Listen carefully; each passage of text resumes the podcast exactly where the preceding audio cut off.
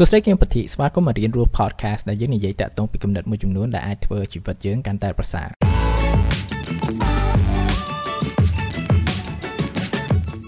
សួស្តីអ្នកទាំងអស់គ្នាថ្ងៃនេះដែរខ្ញុំចង់ឆ្លើយតាក់ទងពីសំណួរមួយដែលខ្ញុំបានជារឿយរឿយគឺថាតើធ្វើយ៉ាងម៉េចដើម្បីខ្ញុំឡើងទម្ងន់ជាពិសេសគឺថាឡើងទម្ងន់មួយដែលថាវាអត់ប៉ះពាល់ដល់សុខភាពយើងព្រោះថានៅក្នុងរយៈពេលមួយឆ្នាំកន្លះមុនខ្ញុំធ្លាប់ធ្វើវីដេអូមួយដែលនិយាយតាក់ទងពីការ fasting ដើម្បីយកមកសម្រក់ទម្ងន់របស់យើងជាពិសេសគឺជាតិខ្លាញ់នៅក្នុងខ្លួនរបស់យើងហ្នឹងហើយនៅក្នុងនោះដែរក៏មានសំណួរមួយចំនួនដែលបានលើកមកលើខ្ញុំគឺថាតើបើខ្ញុំចង់ឡើងទម្ងន់វិញតើខ្ញុំធ្វើរបៀបម៉េចហើយខ្ញុំក៏អត់ទាន់មានចម្លើយច្បាស់លាស់ដែលខ្ញុំអាចនិយាយដែរព្រោះថាដោយសារអីព្រោះថាខ្ញុំអត់ទាន់បានធ្វើនឹងផ្ទាល់ខ្ញុំអត់ទាន់មានលទ្ធផលហើយមួយទៀតគឺថាខ្ញុំក៏អត់ចង់និយាយតាក់ទងពីអ្វីដែលថាខ្ញុំអត់ជឿថាពិតដែរហើយថ្ងៃនេះគឺថាមិនមែនត្រឹមតែមានចម្លើយប៉ុន្តែក៏មានពីលទ្ធផលដែរ គឺថាក្នុងរយៈពេលមួយឆ្នាំមុនគឺជាពេលដំបូងគត់នៅក្នុងជីវិតខ្ញុំដែលថាខ្ញុំចាប់ផ្ដើមហាត់ប្រាណហើយវានៅថេជាប់រហូតហ្នឹងហើយការហាត់ប្រាណនៅក្នុងរយៈពេលមួយឆ្នាំហ្នឹងវាជួយខ្ញុំមានលទ្ធផលមួយគឺថាវាបង្កើនទម្ងន់នៃសាច់ដុំខ្ញុំ7.7គីឡូឯណោះហើយខ្ញុំនិយាយម្ដងទៀតគឺថាទម្ងន់ដែលខ្ញុំបានកើនហ្នឹងគឺជាទម្ងន់នៃសាច់ដុំហើយនេះជាអ្វីមួយដែល យើងគួរតែគិតដែរព្រោះជាធម្មតាពេលដែលយើងគិតណាយើងគិតតាក់ទងពីគីឡូថាយើងគិតតាក់ទងពីទម្ងន់យើងខ្លួនយើងផ្ទាល់ហ្នឹងហើយខ្ញុំក៏អត់ដឹងពីមូលហេតុដែរតែថាហេតុអ្វីបានជាយើង obsess មែនតាក់ទងពីទម្ងន់ខ្លួនយើងហ្នឹងហេតុអ្វីបានយើងចង់ចេះតែថយថយថយឲ្យទៅទៀតព្រោះថាប៉ះសិនបើនិយាយតាក់ទងពីទម្ងន់សរុបរបស់យើងតែមួយគត់ណាវាមិនមែនជាអ្វីមួយដែលថាយើងអាចយកមកនិយាយគិតគូរបានតាក់ទងពីសុខភាពយើងថាយើងសុខភាពល្អឬមិនល្អព្រោះថានៅក្នុងខ្លួនយើងវាមានផ្នែកច្រើននៅក្នុងទម្ងន់របស់យើងទៅ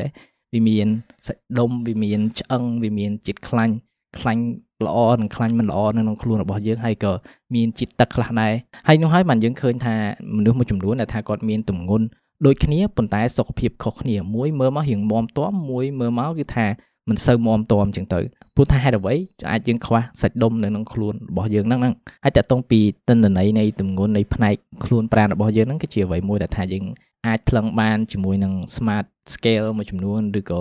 នៅក្នុង club ហាត់ប្រាណមួយចំនួនប្រហែលជាគេមាន smart scale មួយដែលថាល្អដែលវារៀង accurate ហើយមួយទៀតគឺថាយើងអាចទៅពេទ្យដើម្បីឲ្យគេ scan លក្ខណៈ DEXA scan អញ្ចឹងទៅដល់ពេលនោះហើយគឺថាយើងឃើញលទ្ធផលតាក់ទងពីខ្លួនយើងផ្ទាល់ហើយតើយើងមានផ្នែកណាខ្លះដែលថាយើងគួរធ្វើខ្លួនយើងឲ្យរីចម្រើនហ្នឹងហើយនេះគឺជាលទ្ធផលដែលថាខ្ញុំឃើញខ្លួនខ្ញុំកែប្រែក្នុងរយៈពេលមួយឆ្នាំហ្នឹងគឺថាខ្ញុំឃើញ ការបង្កើននៅទម្ងន់នៃសាច់ដុំខ្ញុំប៉ុណ្ណឹងហើយនេះគឺជាអ្វីមួយដែលថាជួយខ្ញុំមែនតើហើយជាធម្មតាពេលដែលយើងនិយាយតាក់ទងពីការបង្កើនសាច់ដុំនៃខ្លួនយើងណាយើងអាចគិតទៅលើ extreme ពេកដូចថាអូខ្ញុំត្រូវមានរាងឲ្យដូច The Rock ហើយ Batista ធំចឹងមែនឬក៏ខ្ញុំត្រូវរៀនឲ្យចេះ deadlift ឲ្យបាន2 300គីឡូមែនទេតាមពិតគឺថាការដែលមានសាច់ដុំហ្នឹងគឺជាអ្វីមួយដែលថាយើងត្រូវការជាប្រចាំថ្ងៃដែរ មិនចាំបាច់ដល់តែយើងជាអ្នកកីឡាឬក៏យើងចាំបាច់ធ្វើជា professional wrestler ឬក៏ body builder អីទេនៅក្នុងជីវិតរបស់យើងវាតែងតែមានសកម្មភាពមួយចំនួនដែលថាយើងត្រូវធ្វើហ្នឹងហើយការដែលយើងធ្វើវាការដែលយើងដើរការដែលយើងបើកទ្វារការដែលយើងឡើងចដើទាំងអស់ហ្នឹងគឺថាវាត្រូវការសាច់ដុំរបស់យើងហ្នឹងហើយនេះគឺជាអ្វីមួយដែលគេបានស្រាវជ្រាវឃើញគឺថាចាប់ពីអាយុ30ឆ្នាំឡើងទៅគឺថាខ្លួនយើងចាប់ផ្ដើមបាត់បង់សាច់ដុំ1%ក្នុងមួយឆ្នាំអញ្ចឹងមានថាក្នុងរយៈពេល មួយទសវត្សរ៍យើងបាត់បង់សាច់ដុំ10%បាត់ឯហ្នឹងហើយនេះជាអ្វីមួយដែលបន្តដូចដល់ជាអាយុ70អីហ៎ចឹងបានយើងឃើញតាក់ទងពីមនុស្សម្នាចាស់ជរាមួយចំនួនដែលថាពេលគាត់ចាស់ទៅគឺថាគាត់មានភាពពិបាកក្នុងការដើរឬក៏ក្នុងការងើបពីកៅអីឬក៏ឡើងចណ្ដើរឬក៏ចុះចណ្ដើរអីហ្នឹងហើយបើយើងមើលតាក់ទងពីស្ថិតិនៅសហរដ្ឋអាមេរិកអីចឹងការទៅធ្លាក់ពីចណ្ដើរហ្នឹងគឺជាមូលហេតុមួយដែលថាបង្កើននៅការស្លាប់ច្រើនមែនតើ សម្រាប់មនុស្សម្នាចាស់ជរាហ្នឹងអញ្ចឹងបើសិនបើយើងចង់មើលតាក់ទងពីសុខភាពរបស់យើងហើយជាពិសេសគឺថាការពារកុំឲ្យបាត់បង់សាច់ដុំច្រើនពេកហ្នឹងគឺថាយើងមានតែត្រូវហាត់ដើម្បីបង្កើនសាច់ដុំរបស់យើងហ្នឹងហើយបើយើងចង់ហាត់បង្កើនសាច់ដុំហ្នឹងគឺថាវាមាន exercise ឬក៏ training ផ្សេងផ្សេងដែលថាយើងអាចធ្វើបានហើយអ្នកទាំងអស់គ្នាក៏ថាអាច consider ទៅលើ fitness coach មួយចំនួនដែលថាអាចជួយយើងទៅតាមគោលដៅដែលថាយើងមានសម្រាប់ខ្លួនយើងហ្នឹង ហើយអ្វីដែលខ្ញុំចែករំលែកនេះគឺទៅតាមបទពិសោធន៍និងការស្រាវជ្រាវរបស់ខ្ញុំតាក់ទងពីការបង្កើនសាច់ដុំរបស់ខ្ញុំក្នុងរយៈពេល1ឆ្នាំមុនដែលថាវាបង្កើនលទ្ធផលហ្នឹងទីមួយគឺថាអ្វីដែលខ្ញុំធ្វើហ្នឹងគឺថាចាប់ផ្ដើមការហាត់ប្រាណមួយដែលគេហៅថា strength training គឺថាការហាត់ប្រាណដែលផ្ដោតទៅលើកម្លាំងយើងហ្មងអញ្ចឹងវាថាវាជាអ្វីមួយដែលប្រើប្រាស់សាច់ដុំយើងហ្នឹងព្រោះបើសិនបើយើងមើលតាក់ទងពីការហាត់ប្រាណគឺថាវាមានការប្រភេទនៃការហាត់ប្រាណច្រើនដូចឧទាហរណ៍ថា yoga ឬក៏ stretching ឬក៏ ការរត់ការធាក់កង់ឬក៏ resistance training ផ្សេងផ្សេងឡានឹងឡាហើយការហាត់ប្រាណមួយមួយគឺថាវាមានគោលដៅផ្សេងផ្សេងគ្នាបើសិនបើយើងចង់ឲ្យមាន flexibility សម្រាប់ខ្លួនយើងដូចថាយើងអាចបត់បែនខ្លួនបានដូចថាយើងពេលយើងអោតទៅក្រោមដៃយើងអាចប៉ះចុងជើងយើងបានអីហ្នឹងអាហ្នឹងគឺថាដូច yoga អីគឺជាអ្វីមួយដែលជួយត្រូវហើយបើសិនបើយើងចង់ធ្វើឲ្យសុខភាពបេះដូងយើងកាន់តែល្អហើយជាពិសេសគឺថាយើងចង់អាច ធ្វើសកម្មភាពអីមួយថាបានយូរជាពិសេសគឺថា increase stamina របស់យើងហ្នឹងការដែលយើងលេងកីឡាឬក៏ហាត់ប្រាណទៅលើសកម្មភាពអ្វីមួយដែលក្នុងរយៈពេលយូរដូចឧទាហរណ៍ធាក់កង់2 3ម៉ោងឬក៏រត់2 3ម៉ោងរត់10 20គីឡូអីហ្នឹងគឺថាជាអ្វីមួយដែលវាជួយនៅផ្នែកហ្នឹង ហើយបើយើងចង់បង្កើននៅសាច់ដុំរបស់យើងហ្នឹងគឺថាអ្វីដែលយើងមើលគួរមើលទៅលើហ្នឹងគឺថា strength training ហ្នឹងវាជាការហាត់ប្រាណមួយដែលថាយើងអាចប្រើលក្ខណៈដូចថាទម្ងន់ខ្លួនប្រាណយើងឬក៏ទម្ងន់ដែកឬម៉ាស៊ីនដែលថាយើងហាត់នៅកន្លែងហាត់ប្រាណអីចឹងទៅវាដូចជាការអវងឬក៏ bench press chest press លក្ខណៈលក្ខទាំងអស់ហ្នឹងទាំងអស់ហ្នឹងគឺថាវាតម្រូវឲ្យយើងប្រើកម្លាំងយើងក្នុងការរុញអ្វីមួយចេញហើយជាមួយទៀតគឺថាយើងទាញវាមកវិញហ្នឹង ហើយជាធម្មតាអ្នកទាំងអស់គ្នាអាចនឹងមានបបផ្សោតដែរគឺថាយើងហាត់ប្រាណបែបហ្នឹងក្នុងរយៈពេលយូរហើយតែអត់ឃើញលទ្ធផលសោះអ្វីដែលថាយើងគួរមើលទៅលើហ្នឹងគឺថាយើងគួរតែផ្ដោតតាក់ទងពីការហាត់រហូតដល់សាច់ដុំយើងហ្នឹងគេហៅថា failure គឺថាបរាជ័យតែថាវាអត់អាចហ៊ុញឬក៏ទាញបានទៀតទេនៅក្នុង set ហ្នឹងឧទាហរណ៍ដូចចំពោះខ្ញុំចឹងពេលដែលខ្ញុំអវងខ្ញុំមិនអវងអវងអវងដល់ហត់ទៅខ្ញុំឈប់ពេកប៉ុន្តែដល់តែខ្លួនខ្ញុំខ្ញុំខំប្រឹងខ្លួនឯងរុញឡើងទៅរុញឡើងរួចពេលហ្នឹងវាថា ខ្ញុំឈប់មកនោះហើយគឺជាចំណុចមួយដែលថាយើងទៅដល់ហ្នឹងគឺថា failure ហ្នឹងគឺភាពបរាជ័យនៃសាច់ដុំរបស់យើងហ្នឹងព្រោះថាពេលដែលដល់ចំណុចហ្នឹងមានន័យថាយើងរុញខ្លួនយើងដល់ចំណុចចុងក្រោយដែលថាសាច់ដុំយើងវាអាចតទៅមុខទៀតណានៅក្នុង reputation មួយដែលថាយើង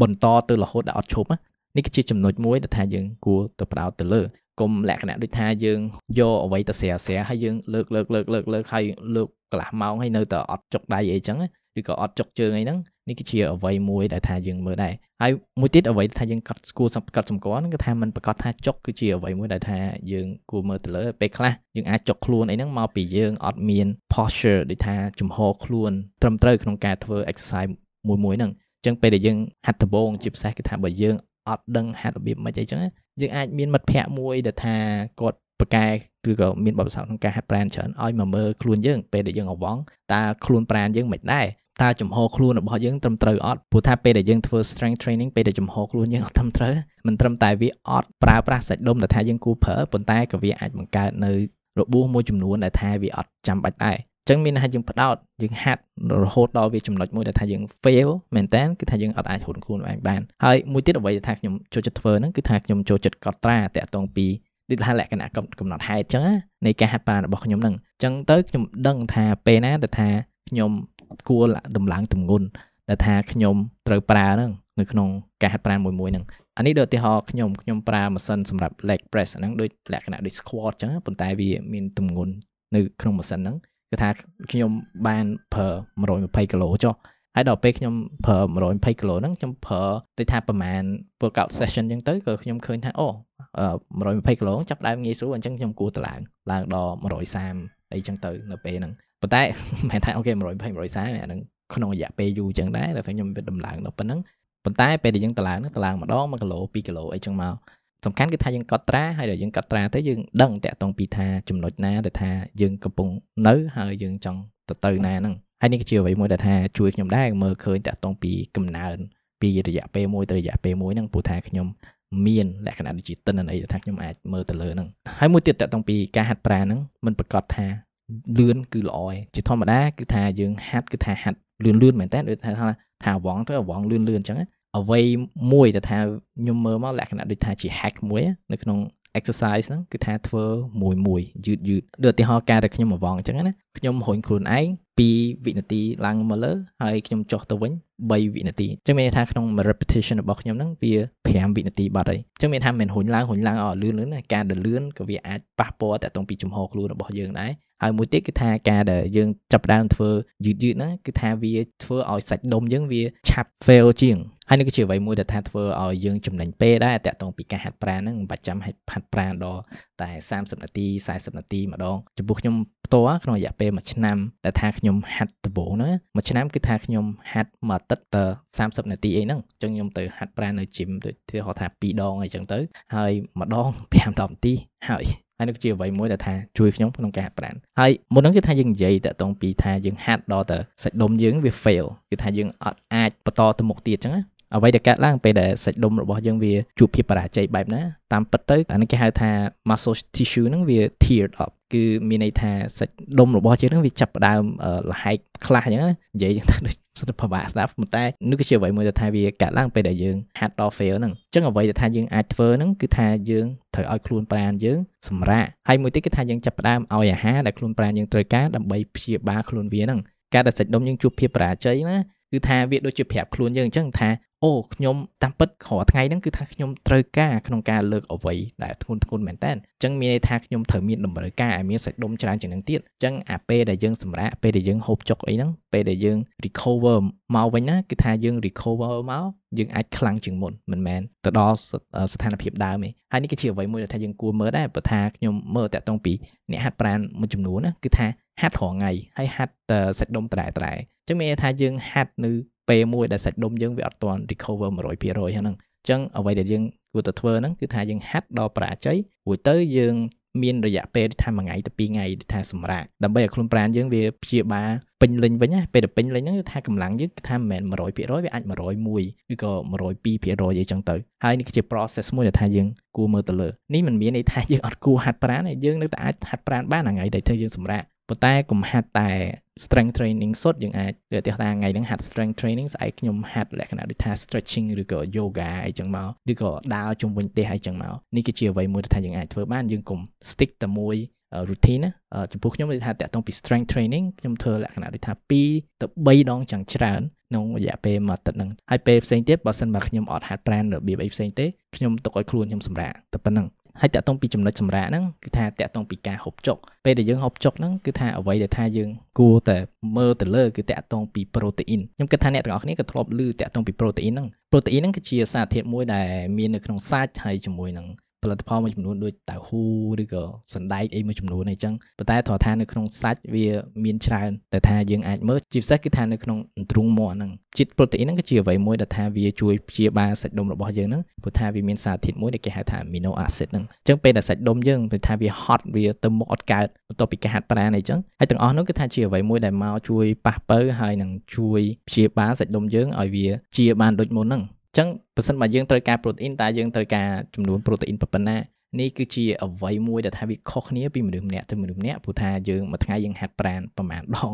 គឺថាអាចខុសៗគ្នាទៅតើពីមួយអាទិត្យមួយអាទិត្យតើយើងប្រើប្រាស់សាច់ដុំយើងប៉ុណ្ណាដែលថាវាត្រូវការព្យាបាលប៉ុណ្ណាហើយអ្វីមួយដែលថាវាអាចងាយស្រួលក្នុងការគិតគូរពីប្រូតេអ៊ីនហ្នឹងគឺថាយើងអាចគិតចេះគឺថាយើងយកទម្ងន់យើងផ្ទាល់ដូចឧទាហរណ៍ឥឡូវហ្នឹងគឺថាទម្ងន់ខ្ញុំដូចថា 67ចុះទម្ងន់របស់ខ្ញុំហ្នឹងគឺថាខ្ញុំយកវាមកគុណជាមួយនឹង1.5ទៅ2.0ដោយទៅតាមភាពញឹកញាប់នៃការហាត់ប្រាណរបស់យើងហ្នឹងដូចឧទាហរណ៍ខ្ញុំអាចប្រើ2.0ចុះអញ្ចឹងបើគុណឲ្យ2.0អញ្ចឹងវាថាខ្ញុំអាចត្រូវការក្នុងមួយថ្ងៃគឺ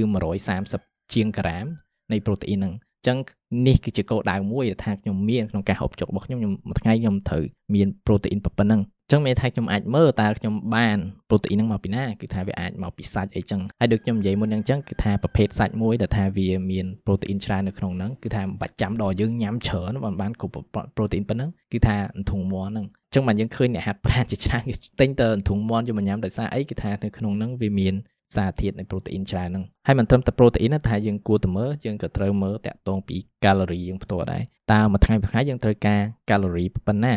ព្រោះថាការដែលយើងញ៉ាំអត់គ្រប់យើងញ៉ាំតែប្រូតេអ៊ីនពេកក៏អត់កើតដែរព្រោះថាដោយសារអីព្រោះថាខ្លួនយើងវាត្រូវការកាឡូរីនិយាយទៅបើយើងនិយាយតាក់ទងពីកាឡូរីហ្នឹងគឺថាវាជាធម្មពលដែលវាចម្រាញ់ពី macro nutrient របស់យើងហ្នឹងវាមានប្រូតេអ៊ីនវាមាន carbs វាមានខ្លាញ់អញ្ចឹងមានថាយើងត្រូវតែញ៉ាំមកគ្រប់គ្រាន់ការបើយើងអត់ញ៉ាំមកគ្រប់គ្រាន់ទេអញ្ចឹងមានថាខ្លួនប្រាណយើងវាផ្ដើមកម្លាយប្រូតេអ៊ីនហ្នឹងទៅជាធម្មពលវិញ ចឹងពេលដែលវាខ្លាយជាធម្មពលវាកិនអស់ចឹងវាអត់សល់អីសម្រាប់សាច់ដុំរបស់យើងទេត្រូវចឹងយើងត្រូវមើលដែរចឹងចំនួនកាឡូរីរបស់យើងយើងត្រូវការហ្នឹងវាប៉ុណ្ណាចំណុចដូចប្រូតេអ៊ីនចឹងគឺថាវាទៅតាមថាមួយថ្ងៃមួយថ្ងៃយើងហាត់ប្រាណប៉ុណ្ណាព្រោះថាបើសិនបើយើងហាត់ប្រាណច្រើនមានថាមួយថ្ងៃមួយថ្ងៃយើងកិនកាឡូរីច្រើនជាង អ្នកដែលអត់ហាត់ប្រាណទៅហ៎វាមិនមែនជាអ្វីមួយតែថាដូចគ្នាពីមនុស្សម្នាក់ទៅមនុស្សម្នាក់ជាធម្មតាយើងតែងតែ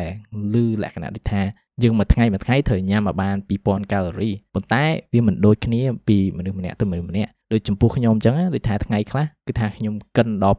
2700កាឡូរីណោះជា average សម្រាប់ខ្ញុំពីមួយអាទិត្យមួយអាទិត្យខ្ញុំត្រូវការយ៉ាងតិចគឺថា2500កាឡូរីមិនមែន2000ទេហើយនេះគឺជាអ្វីមួយដែលថាយើងគួរគិតគូរមើលតាក់ទងថាតើមួយថ្ងៃមួយថ្ងៃយើងត្រូវការកាឡូរីប៉ុន្មាន បើសិនបើយើងមាន smart watch អីចឹងគឺវាជាអ្វីមួយដែលវាអាចឲ្យនៅតនន័យរបស់យើងវាបង្ហាញពីទីមួយគឺថា calorie ដែលថាខ្លួនប្រាណយើងគិតតែឯងមួយទៀតគឺថាគេហៅ active calorie គឺ calorie ដែលថាយើងកិនដោយថាយើងហាត់ប្រាណឬក៏ដើរឬក៏ធ្វើសកម្មភាពផ្សេងៗក្នុងមួយថ្ងៃហ្នឹងតើវាកិនប៉ុណ្ណាអញ្ចឹងសរុបមកយើងឃើញ calorie ផ្ទាល់ដែលថាយើងមើលថាយើងមួយថ្ងៃយើងកិនប៉ុណ្ណាបើមិនចឹងទេយើងអាចរកវិធីមួយទៀតដែលថាយើងអាចមើលគិតគូរតាក់ទងពី calorie ដែលថាយើងត្រូវការហ្នឹង វាជាអ្វីមួយដែលគេហៅថា TDEE ដែលជាពាក្យអង់គ្លេសគេហៅថា Total Daily Energy Expenditure មានន័យថាវាជាចំនួនសរុបនៃធម្មពលដែលយើងត្រូវការក្នុងមួយថ្ងៃទៅមួយថ្ងៃហ្នឹងអញ្ចឹងនេះជាអ្វីមួយដែលថាគេគិតគូរទៅតាមទម្ងន់របស់យើងទៅតាមកម្ពស់របស់យើងហើយមួយទៀតគឺថា